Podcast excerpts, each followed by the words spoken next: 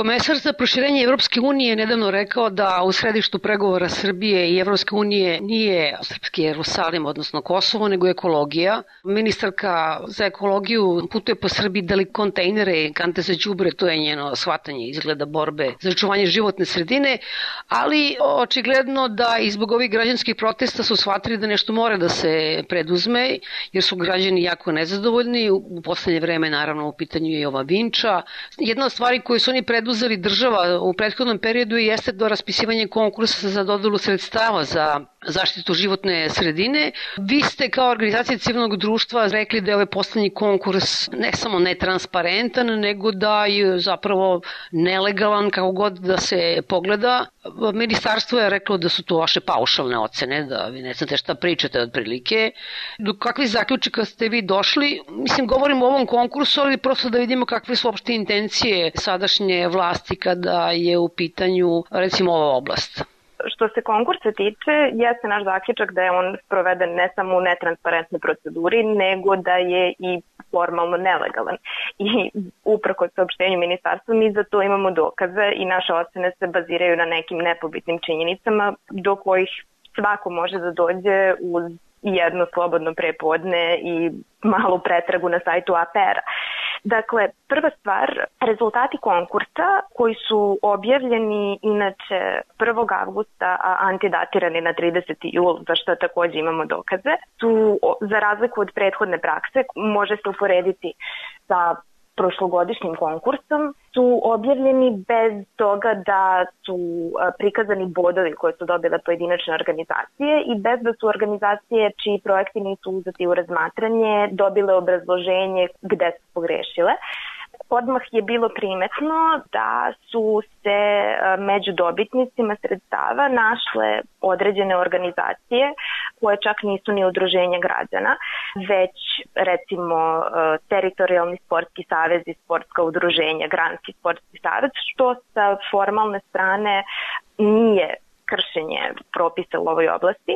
Međutim, e, ono što jeste i zbog čega mi tvrdimo da je konkurs formalno nelegalan e, je to da je u kriterijumima uslovima učešća u konkursu šta više, koje je propisalo samo ministarstvo, kao neophodan uslov bilo propisano to da podnosioci prijeva moraju da imaju zaštitu životne sredine kao jedan od statutarnih ciljeva. Kako su statuti registrovanih udruženja dostupni na APR-u, mi smo mogli da dođemo do toga da u slučaju osam udruženja nema ni reči o zaštiti životne sredine i za finansiranje njihovih projekata je predviđeno više od 7 miliona dinara. Ukupno na konkursu podeljeno 70 miliona, to je skoro 600.000 evra, to što nije mali novac za srpske uslove, ali tako? Tako je. Recimo dalje, jedan od kriterijuma za, za odlučivanje koje je ministarstvo opet samo propisalo je bila i vidljivost projekta. Opet, prestragom interneta došli smo do zaključka da od 79 organizacija koliko je dobila sredstva, čak 47 nema internet stranicu, dok 27, što je preko trećine udruženja čiji su projekti odobreni, nema ni jedan kanal komunikacije, odnosno nema website, nema stranicu na Facebooku, Instagramu, Twitteru, tako da je jasno da oni kriterijum vidljivosti ne bi mogli da ispune. Dalje, tražilo se, kao jedan od kriterijuma, tražilo se prethodno iskustvo u, u oblasti zaštite životne sredine. Pet udruženja čiji, čiji su projekti odobreni je osnovano u poslednjih godinu dana i za njihove projekte je namenjeno 5 miliona dinara. Dalje, jedan od uslova koje je opet ministarstvo samo propisalo se odnosilo na to da su podnosioci prijava koji a, apliciraju za sredstva veće od pola miliona dinara moraju da podnesu materijalne dokaze o prethodnom iskustvu u upravljanju projektom iste ili veće vrednosti. Veliki broj organizacija, što se opet vidi pretragom APR-a, u prethodnom periodu nije podnosilo finansijske izveštaje i finansijski izveštaje im nisu odobravani, ali u slučaju onih koji jesu, postoji značajan broj organizacija koje su dobile sredstva u većem iznosu od 500.000 dinara, a kojima su prihodi za prethodne godine manji od toga, tako da nisu mogli da upravljaju projektima iste ili veće vrednosti. Pogotovo je recimo indikativan slučaj jednog udruženja koje je osnovano pre manje od godinu dana, a kome je odobren maksimalan iznos od 1.700.000 dinara, što kao što ste rekli, ni to nisu neke male, male pare za naše uslove, koje prosto zbog činjenice da postoji manje od godinu dana, nije moglo da, da ima prethodno iskustvo u sprovođenju realizaciji takvog jednog projekta. Tara, na osnovu ovoga što ste vi rekli, to je jedan korak dalje u odnosu na ono što smo mogli ranije da vidimo recimo na konkursima za sufinansiranje medijskih sadržaja gde dodeljuje se informeru ili tabloidima nekim koji su naklonjeni vlasti i tako dalje. Međutim, ne sećam se da sam baš videla negde da su na konkursima dobijale organizacije ili nepostojeće, u stvari osim APR-a nema nikakvog dokaza uopšte da, da postoje i da zapravo toliko masovno bude kršena elementarna procedura koju je samo ministarstvo donelo. Da, upravo prvo nije da postoje samo na APR-u, e, mnogi od tih organizacija na Google postoje samo na istim ovakvim rang listama za, za dodeljivanje sredstava. Dakle, mhm. jedino se, se, se pojavljuju kao dobitnici budžetskog finansiranja.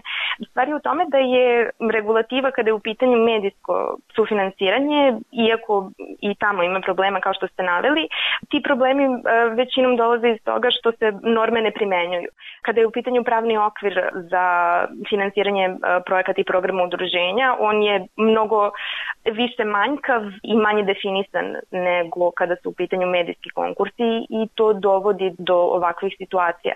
Ali praksa davanja sredstava organizacijama koje postoje tako samo na Google kao na rang listama ministarstava i, i u APR-u, to jeste nešto što je odavno slučaj. Ono što ovaj slučaj čini malo drugačijim jeste to da smo mi, a kad kažem mi mislim na, na koaliciju čisto građanske inicijative Tvan, koalicija otvorena o konkursima koja je isprovela ovu analizu, e, da smo došli e, do ovih informacija na vreme, s obzirom na činjenicu da su ovo samo preliminarne rezultati. Recimo, ministarstvo u svom saopštenju skreće pažnju na to da oni ovo percipiraju kao vid pritiska na, na komisiju, ali problem sa regulativom u ovoj oblasti je u tome što jedino sredstvo žalbe, jedino, jedini pravni lek je prigovor o kome odlučuje isti organ koji je dodelio sredstvo.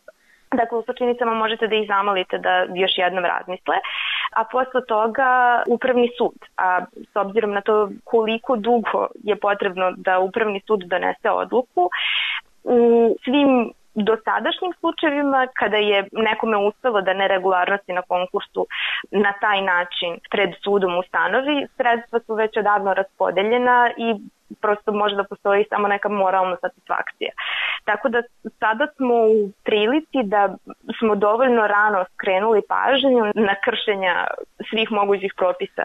Tako da ima prilike da se konkurs obustavi i da se počne iz početka pre nego što su sredstva raspodeljene i šteta načinja.